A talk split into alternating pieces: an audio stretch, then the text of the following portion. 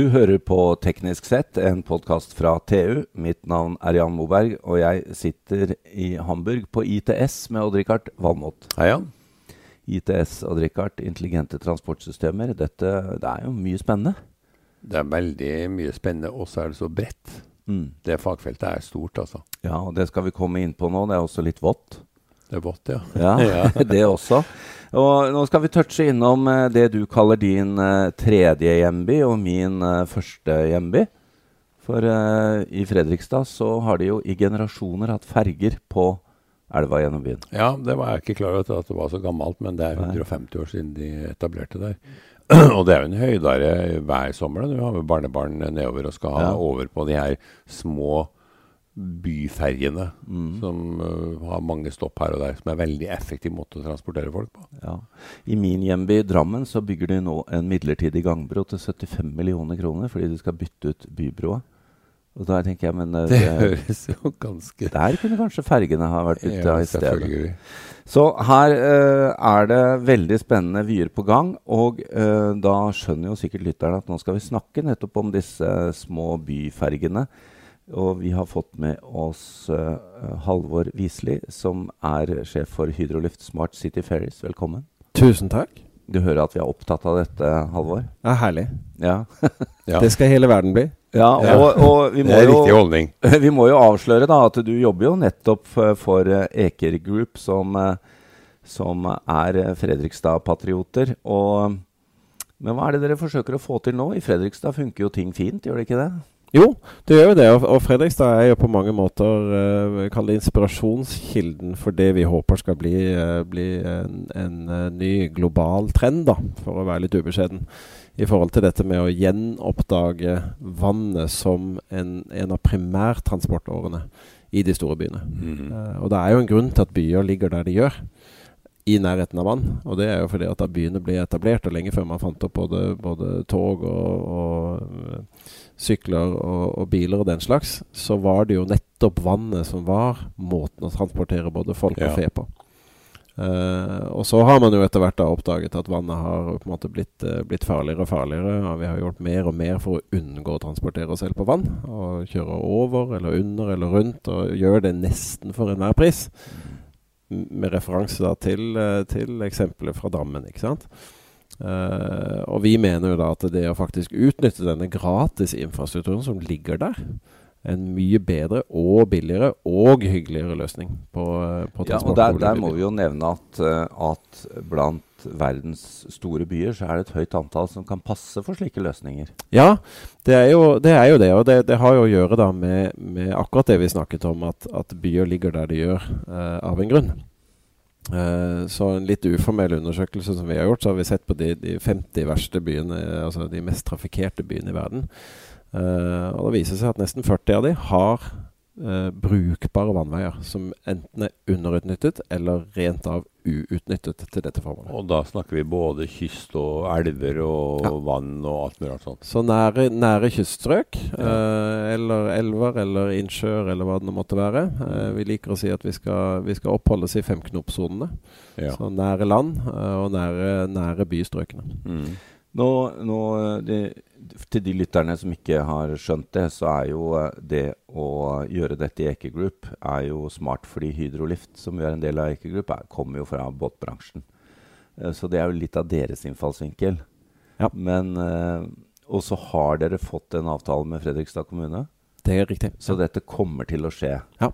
Men, men det er ikke tilstrekkelig. Dere må inn på teknologi òg, må dere ikke det? det, kan, det her, de gamle kapteinene kan fortsatt kjøre elbåt, gå fra, fra fossil til el, men dere vil vel gjøre noe mer ut av det? Jo, men det er klart vi vil. Ehm, det vi har merket oss, det er at en av de store hindringene for hvorfor man ikke bruker mer fergetrafikk i dag, er en oppfattelse om at det å operere ferger er dyrt.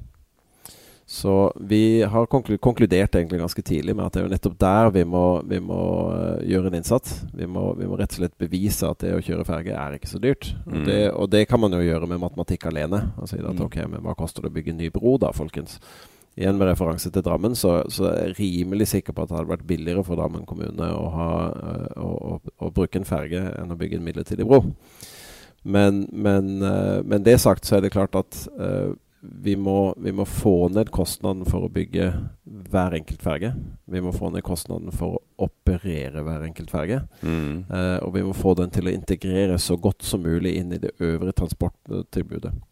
Eh, og da er det jo en del ting man må komme over. Fra vår side, som jo er båtbyggere, så er vi jo veldig vant til å tenke at hvordan gjør vi noe eh, så, så, bra som mulig, men allikevel innenfor en fornuftig kostnadsramme. Uh, så vi har jo tatt veldig Vi har startet veldig i fartøysenden. Uh, men utvikler da gradvis både teknologi, enten det da gjelder, uh, gjelder på en måte ny type ladeinfrastruktur, eller det gjelder nye manøvreringsmåter, eller det gjelder da helt opp til, til teknologi. Som jo i vårt tilfelle ikke bare skal ende med autonomi, men faktisk flåteautonomi, hvis vi ikke går riktig langt frem i tida. Hvor langt snakker vi da? Ti år, eller? Uh, det er jo vanskelig å si, fordi uh, vi vet jo eh, Per i dag så er det jo ingen, ingen, land i verden som har et regelverk som står klart til autonome fartøy. Uh, I Norge er vi jo glad i å si at vi er kommet langt innenfor det området. Uh, og Spesielt hører man på festtalene som, som uh, leveres både her og der, så, så sier man jo at Norge er en foregangsnasjon osv. Ja. Men så er det klart så skal dette over i praktisk arbeid. Mm. og Det betyr at vi må da vi har en masse nye sensorikkløsninger som jo da må godkjennes. hvilket regelverk skal det godkjennes etter? Hvem skal faktisk godkjenne det? Hva krever vi av av kunnskap for å kunne godkjenne den type løsninger. Ja. Og så videre og så videre. Så vi tror at dette kommer til å ta ganske lang tid. Og i mellomtiden må vi være med å løse problemet. Ja. Så vi selv legger opp til at vi skal kunne operere disse på relativt tradisjonell måte i starten etter hvert som vi også samtidig med det utvikler de autonome løsningene. Men når du ser hva som skjer på bilsida nå, det er jo ikke, problemene er jo ikke løst der heller, men da snakker vi om kjøretøyer i høy hastighet. Ja. Her er det lav hastighet. Eh, og eh, mye mer oversikt over annen trafikk etc. Men veien beveger seg. Den er turbulent. Og det er helt riktig. Og det er jo, det er jo, det er jo den store forskjellen. Uh, at, at man, man, har på, på, veisiden så har man et medium som står fast. Ja. Og Det betyr at når bilen også stanser, så står den faktisk stille. Mm. Uh, det å bli liggende stille i et fartøy er ikke å ligge stille. Nei, fordi, van, fordi, vannet beveger seg. Spesielt ikke på de elvene det er snakk om uh, i Fredrikstad og Drammen. Nei, og da er du inne på neste, som også handler om kompleksitet. Mm. Uh, fordi uh, du, har jo, du har jo ting å forholde deg til i en, et bevegelig medium som du ikke behøver å tenke så mye på på en vei. Men nå må vi jo nevne da som du sier, at alle løsningene vil ikke være på plass når dere begynner å levere dette. Men dere har ja, et mål om å sette dette i trafikk allerede i løpet av et uh, drøyt år? eller noe sånt? Det er riktig. Ja, Så da vil jo det være første løsning. Det vil være elektrifisert. Mm. Og det vil ha, det vil ha litt avanserte eh, podder eller den type ja. ting. Og eh, ladenettverk på land. Den vil lade da under stoppene. Det er også riktig. Ja, Så dere kom jo et stykke Ja da. sammenlignet med de gamle fossilferjene.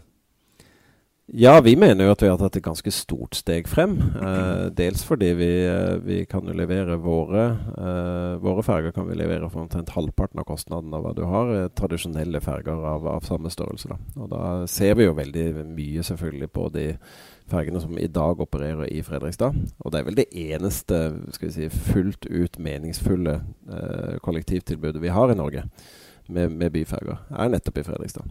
Ja. Uh, og det er klart det å kunne redusere uh, si, anskaffelseskostnaden med, med 50% det er allerede et ganske stort steg i riktig retning. Men så må vi jo se på de operative kostnadene. Og det er jo nettopp her teknologien kommer inn. Uh, det er også her effektiviteten i skrogene kommer inn. Vekt, altså alle sånne ting. Vi, vi, har jo laget en, et båtdesign som er veldig energieffektivt. Og det gir jo konsekvensen at vi kan ha lavere Vi kan ha mindre fremdriftskraft, som igjen betyr at vi kan klare oss med mindre batteri.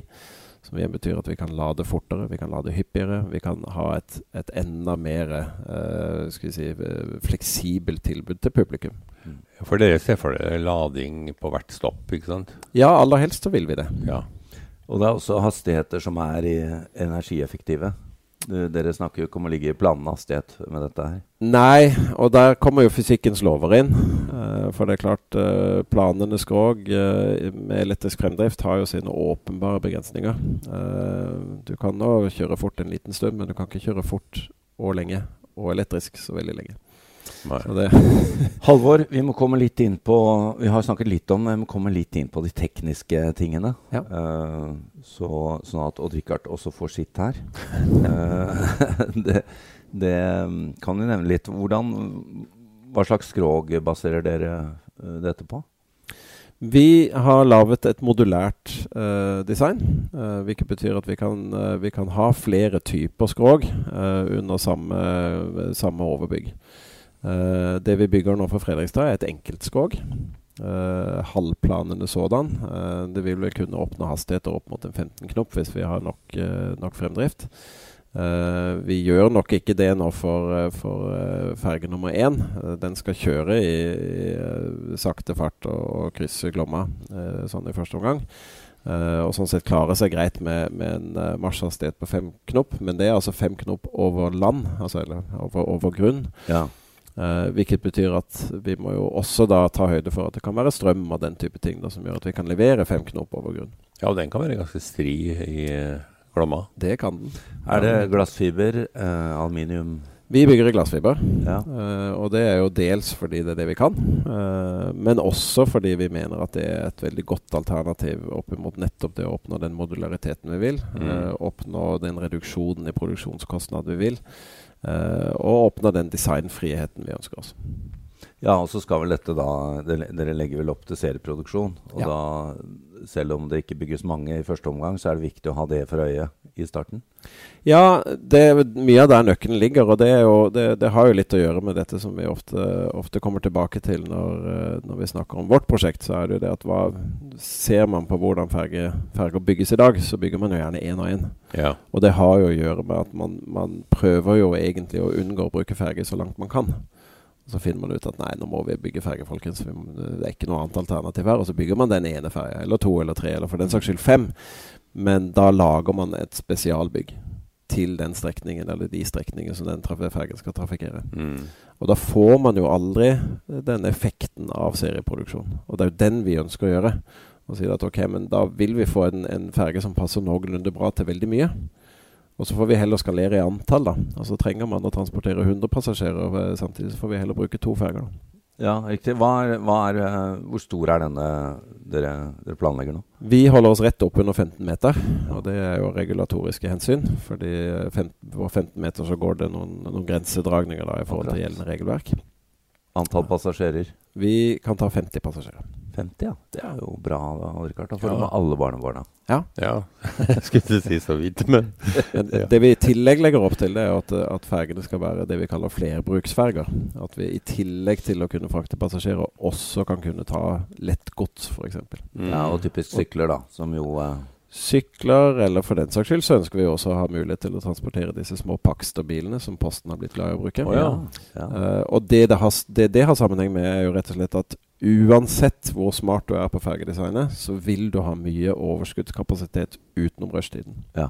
Ja. Uh, og den ønsker vi da å utnytte. Og Det er også en av faktorene for hvorfor vi mener vi kan gjøre dette mye mye billigere enn måten man bruker og benytter ferger på i dag.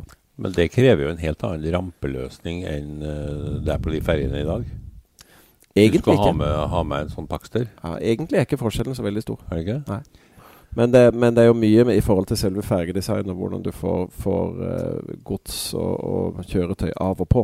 Ja. Så vi må f.eks. ha ramp i begge ender av fergen. Ja, logistikken, ja. Uh, du må også svare på hvor stort batteri disse fergene kommer til å ha. Vi legger opp til en skalerbar løsning. Uh, vi tror jo ikke det er så mye mening i å ha et veldig stort batteri i en ferge som egentlig ikke trenger et veldig stort Nei, batteri. Du kan lade på hver stopp, så blir det bra. Nettopp. Så, så i utgangspunktet så er løsningen skalerbar. Akkurat for ferge nummer én så legger vi oss tett opp under 100 kWt. Uh, veldig tilsvarende den løsningen man finner i dagens Fredrikstad-ferger. Og vi vil heller ha for mye enn for lite når vi nå går i gang med denne testingen. Også fordi det gir jo problemer eh, Det, det kan jo oppstå problemer med ladeløsninger ja. osv. som gjør at vi Det er ganske interessant. Er klart, Vi pleide ikke å spørre før hvor stor dieseltank skal dere ha? Nei, nei, nei men nå er det høyst aktuelt. Det her har jo kommet med elbilen ikke sant? og med alt annet som vi elektrifiserer. Mm. Ja, men i, de har en ladeinfrastruktur i dag, men det er ganske heftig induksjonslading. Ja, det man bruker Fredrikstad i dag, ja. er en induksjonslader. En ganske stor, uh, stor og komplisert løsning som, uh, som leverer 100 kW i skutesida. Ja. Og da, da skuta da klapper til kai, så, så, starter den ladingen. Og den fungerer veldig godt, men den er jo en kostbar løsning.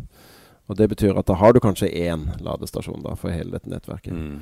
Uh, vi ønsker jo å ha den fleksibiliteten at vi kan, at vi kan lade litt overalt. Og at det å lage lading på hvert stopp ikke krever noen spesiell infrastruktur eh, på land. Mm.